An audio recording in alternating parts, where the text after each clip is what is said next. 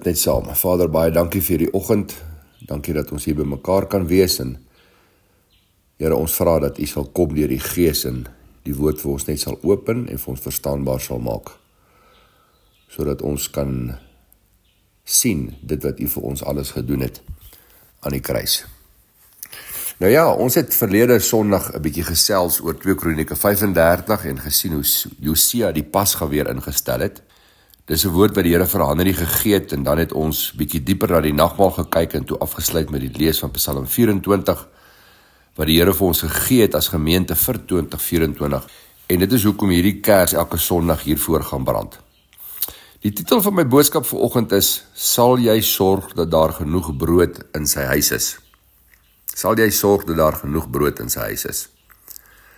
Nou omdat ons brood eet met die nagmaal, het die Heilige Gees my gelei na die verhaal van Naomi en Rut en wil ek graag dat ons 'n paar verse daaruit lees en kyk na die resultate van die afwesigheid van brood veral in die geestelike konteks. So kom ons maak oop by Rut 1 en dan lees ons vanaf vers 1 tot 6.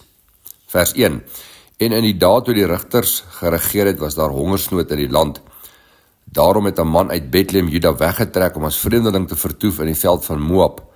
Hy en sy vrou en sy twee seuns. En die naam van die man was Elimelech en die naam van sy vrou Naomi en die naam van die twee seuns Maglon en Gileon, Efratiete uit Bethlehem Juda. En hulle het gekom in die veld van Moab en daar gebly. En Elimelech, die man van Naomi het gesterwe, maar sy met haar twee seuns het oorgebly. En hulle het vir hulle Moabitiese vroue geneem. Die naam van die een was Orpa, naam van die ander een was Rut. Die woord Rut beteken guns. Sommige net vir interessantheid en hulle het daaromtrent 10 jaar gebly. En toe Maglon en Gileon albei sterwe, het die vrou sonder haar twee seuns en haar man oorgebly. Het sy haar gereed gemaak met haar skoondogters en teruggegaan uit die veld van Moab, want sy het in die veld van Moab gehoor. Dis 'n belangrike woord wat ons op moet let. Sy het in die veld van Moab gehoor dat die Here op sy volk ag gegee het deur aan hulle brood te gee. So ons sien hier dat Elimelech Naomi en hulle twee seuns Bethlehem die huis van brood want Bethlehem beteken huis van brood. Bethlehem die huis van brood verlaat het omdat daar hongersnood af. En ek vra myself die vraag, hoe is dit moontlik dat die huis van brood nie meer brood gehad het om mense aan die lewe te hou nie? Elimelech haar man besluit dat hulle moet trek na Moab wat 'n heidense streek was. Ek wonder of hy die Here geraadpleeg het oor hierdie besluit want ons sien soveel teespoed wat Naomi in 10 jaar tref. In 10 jaar beleef sy twee troues en drie begrafnisse. Sy staan haar man en twee seuns aan die dood af in hulle soeke na brood op die verkeerde plek. So ons sien hierso dat daar brood in Bethlehem was en dat daar brood in Moab was. Nou ek wil eers met hierso na twee dinge kyk. Die eerste ene, die brood in Moab was vir my aardse brood maar die brood in Bethlehem wil ek in 'n geestelike konteks na kyk. Goed. Daardie tyd het brood deel uitgemaak van dit wat in die heiligste gedeelte van die tempel was. Hulle sal onthou dat die tempel in 3 dele verdeel was. Ehm um, die voorhof, die heilige die allerheiligste en dan in die heiligste gedeelte het ons die wierookaltaar in die middel gekry, die lampstander wat olie gehad het. Ehm um, en gebrand het aan die linkerkant en dan die tafel met die toonbrode aan die regterkant. Nou in die Engels praat hulle van showbread of bread of his presence. En brood in die historiese konteks was altyd dis 'n simbool van sy teenwoordigheid. Nou showbread kan beter vertolk word as show up bread. Um of in die Hebreëse konteks face bread. So hierdie spreek vir my van face bread. Dit is die brood en ons weet nou Jesus is die brood van die lewe. You want to be in your face.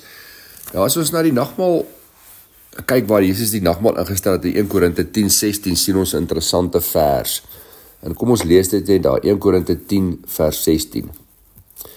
Daar staan die volgende: En die beker van danksegging wat ons met danksegging seën, is dit nie die gemeenskap met die bloed van Christus nie?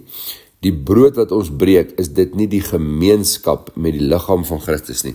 Daai woord gemeenskap is die woord koinonia, gemeenskap. Dit verwys na intimiteit. Nou verstaan ons hoekom hierdie showbread the bread of his face genoem was of face bread genoem was. Nou, ons sien ook dat die brood en die wyn die twee komponente van die nagmaaltafel is. Brood was 'n teken van God se teenwoordigheid. En wanneer ons die brood eet, eet, verklaar ons dis ons intimiteit met hom. En ek het laas Sondag so 'n bietjie daaroor gesels. Nou ek wil eers net hê ons moet gou die bestanddele waaruit brood bestaan neerskryf. Goed, ek het nou sommer nie neergeskryf. Ek dink brood bestaan, mens wil brood bak, water wat vir my spreek van die woord, sout wat smaak gee, dit is hoekom ons sout insit, dan olie wat vir my teken van die Heilige Gees is en dan koring, nê. Nee. Nou Jesus se vlees waarin my en jou hele vryheid ingesetel was. Ehm um, word verteenwoordig die koring. Ek weet Jesus word verteenwoordig deur die brood en die wyn, maar ek wil vanoggend net fokus op die broodgedeelte. Nou Die verhaal van Naomi spreek tipologies van 'n paar dinge wat ek sal noem soos wat ons vorder. Baie mense verlaat vandag die kerk.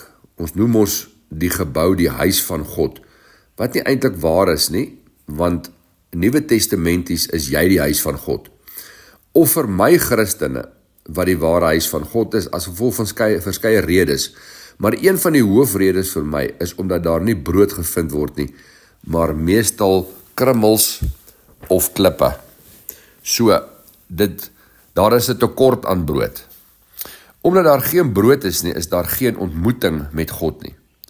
Ek het verlede Sondag genoem dat die kerk die kat in die stert beet het as hy dink om God se lig te skyn beteken om heeltyd aan mense uit te wys wat hulle reg en verkeerd doen. Ongelukkig slag die kerk baie goed daarin om mense skuldig te hou deurdat die kerk self nie kan vergeef nie en van daar die veroordeling. Daar's verseker 'n plek vir korreksie om korreksie te bring in die skrif, maar daar's baie duidelike voorskrifte daarvoor.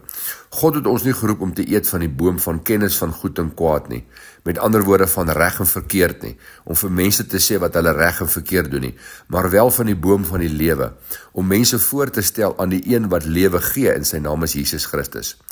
Om te eet van die boom van die lewe is om mense te vertel dat Jesus hulle sondes op hom geneem het en dat hy al hulle misdade, ongeregtighede en oortredinge vergewe het en nooit weer daaraan dink nie. Hy die wêreld Luister mooi, hy die wêreld, nie die Christen nie. Hy die wêreld met homself versoen en staan nou met oop arms vir die wêreld en wag om met hom te versoen. Wanneer ons met hom versoen en 'n verhouding is met hom, dan sal ons heilig word in die vleesmens soos wat hy heilig is. Dit is die proses van heiligmaking waaraan ons almal elke dag moet werk. Onthou dat die geesmens reeds deur hom geheilig is aan die kruis. In jou geesmens is jy volkome heilig en geregtig.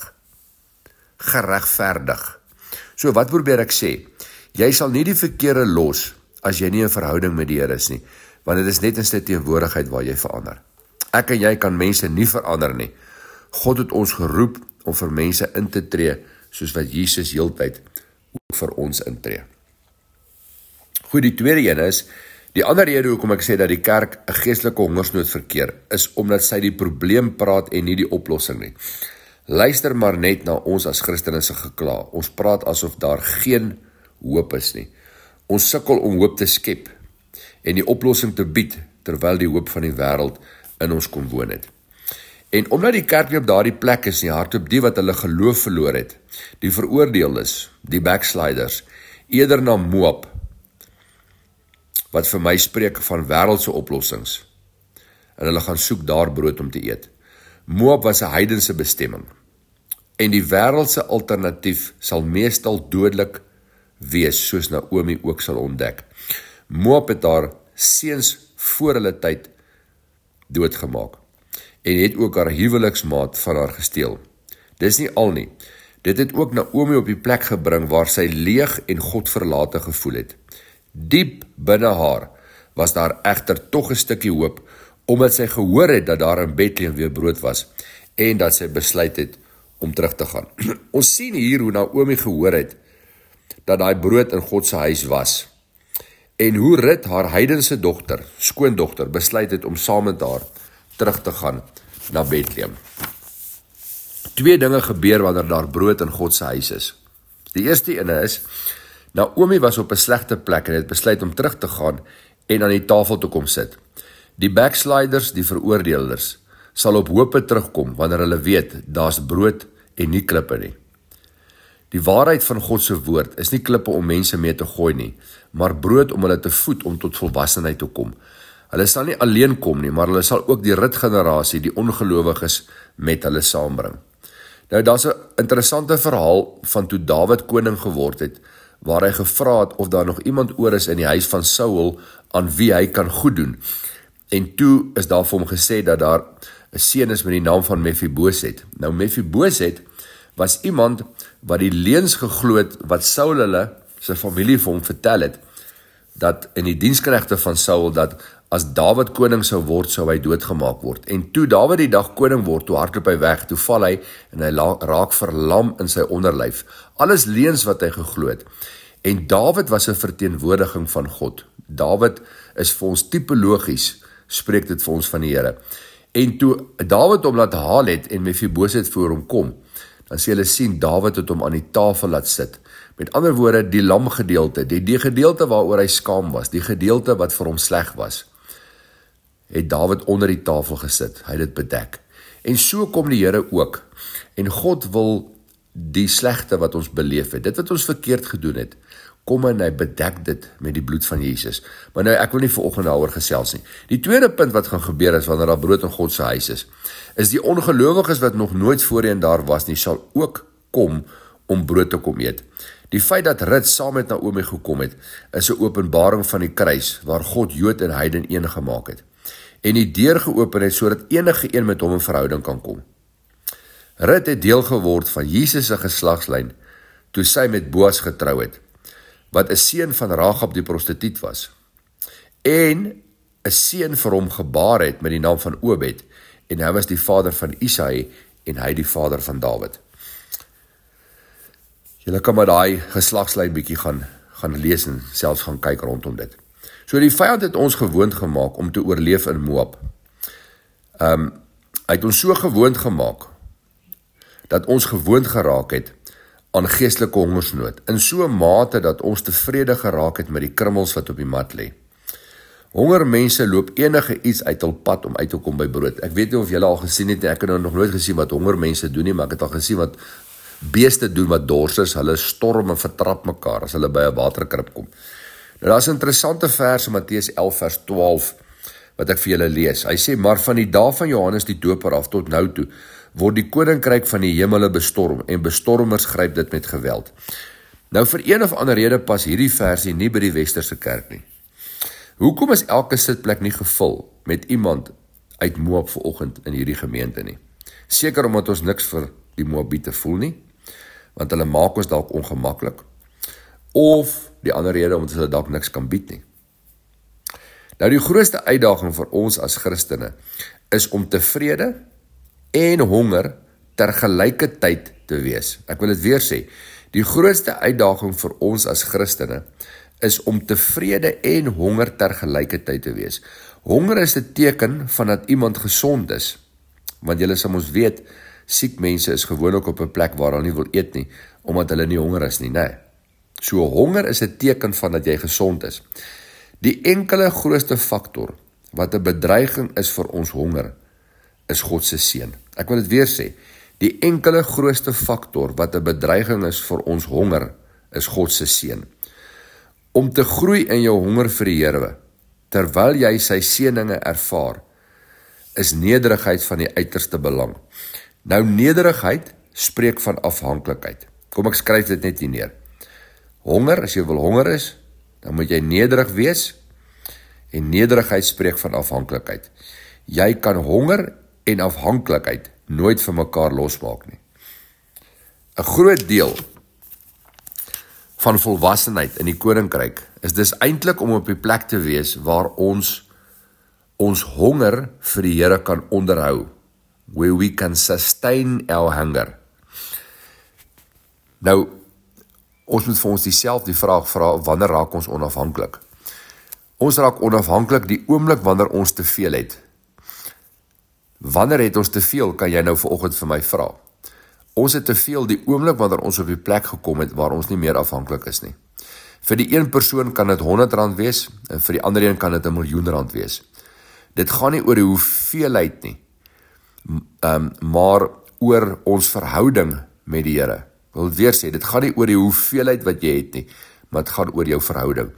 Afhanklikheid aan die ander kant is dan ook die uitdrukking van ons geloof in die Here, van ons vertroue in die Here. Jy sal nie afhanklik wees as jy die Here nie vertrou nie. Nou in hierdie komende jaar sal ons afhanklik van die Here moet bly. Ons sal ons geloof moet bou. Dit beteken ons sal op 'n plek ons sal op 'n plek van honger na meer na hom moet kom. Ons sal moet honger na meer van hom. Nou die oomblik wanneer ons op die plek kom waar ons honger, stel dit die kapasiteit om te droom vry. Naomi het weer gedroom van die dae toe sy in Bethlehem was en daar brood in oorvloed was. Dit het haar gemotiveer om die lang pad terug aan te pak. Nou 'n persoon wat honger is, sal droom oor 'n stuk brood, oor kos wat hy vir sy familie moet gee. Um en en um ek, ek kom ons gebruik nou sommer hierso iemand wat nie werk het nie en wat 'n vrou en drie kinders het om te onderhou. So um honger beweeg mense om grense van veiligheid oor te um, oor te steek en dan op 'n plek te kom waar hulle dalk begin steel om die hongerpyne te stil en om vir hulle familie te sorg. Nou daardeur sê ek nie dis reg om te steel nie. Wat ek probeer sê is is dat um iemand wat honger is en wat weet dat hoorie so as ek nie gaan iets eet nie, gaan ek doodgaan, gaan die risiko neem om te steel. Nou die Here wil hê dat ons ook in so 'n mate sal droom dat ons ook op die punt sal kom waar ons ons grense van veiligheid sal oorsteek en ongelowiges sal nooi om 'n verhouding met die Here te kom sodat hulle oë sal oopgaan. Is dit nie maar ook die rede hoekom ons nie met ongelowiges of met ander mense wat ander gelowe het, um, praat oor die Here nie, is omdat ons 'n vrees in ons hart het, oor ons is bang. Nou wanneer daar 'n groot mate van honger na die Here in ons harte sal ons daai bangheid, daai vrees wat in ons is, sal ons oorsteek. Ehm um, oorskry. Ehm um, so, hoe doen ons dit? Net soos wat Jesus dit gedoen het met die Emmausgangers. Hulle het hom nie herken toe hy saam met hulle geloop het nie, maar toe hy die brood vir hulle die aand gebreek het, toe gaan hulle oop. En julle kan nou self gaan, gaan lees julle Lukas 24 vers 28 tot 35 wat gaan oor die Emmausgangers. Julle sal onthou, maar kom ek lees dit, kom ek lees dit, kom ek lees dit. Lukas 24 vers 28 tot 35. Kom ons bly net so intoe. Lukas 24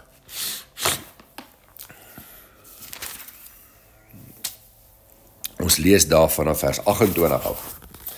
Daarop kom hy naby die dorp waarheen hulle op reis was en hy het gemaak of hy verder wou gaan. Maar hulle het by hom aangedring en gesê: "Bly by ons, want dit is amper aand en die dag het gedaal." En hy het ingegaan om by hulle te bly. En toe hy met hulle aan tafel was, neem hy die brood en dank en hy breek dit en gee dit aan hulle. Toe is hulle oë geopen en hulle het hom herken en hy het uit hulle gesig verdwyn. Dit is wanneer ek en jy die Bybel oopmaak en die woord lees. En wanneer die Heilige Gees kom en die brood vir ons breek waar ons hom herken. Waar ons hom herken. En daai woord herken is weer die woord epigenoskou wat weerspreek van intimiteit. Dis wanneer ek en jy op 'n plek is waar ons intimiteit met die woord het waar ons hom al meer en meer en beter leer ken, 'n groter openbaring van hom sal kry. En my gebed is dat daar 'n honger na hom sal kom in my en jou lewe soos nog nooit tevore nie. Deurdat ons sy woord sal lees wat die brood is en sal droom wat hy droom en dis om die wêreld te gaan vertel dat hulle hulself met God moet versoen.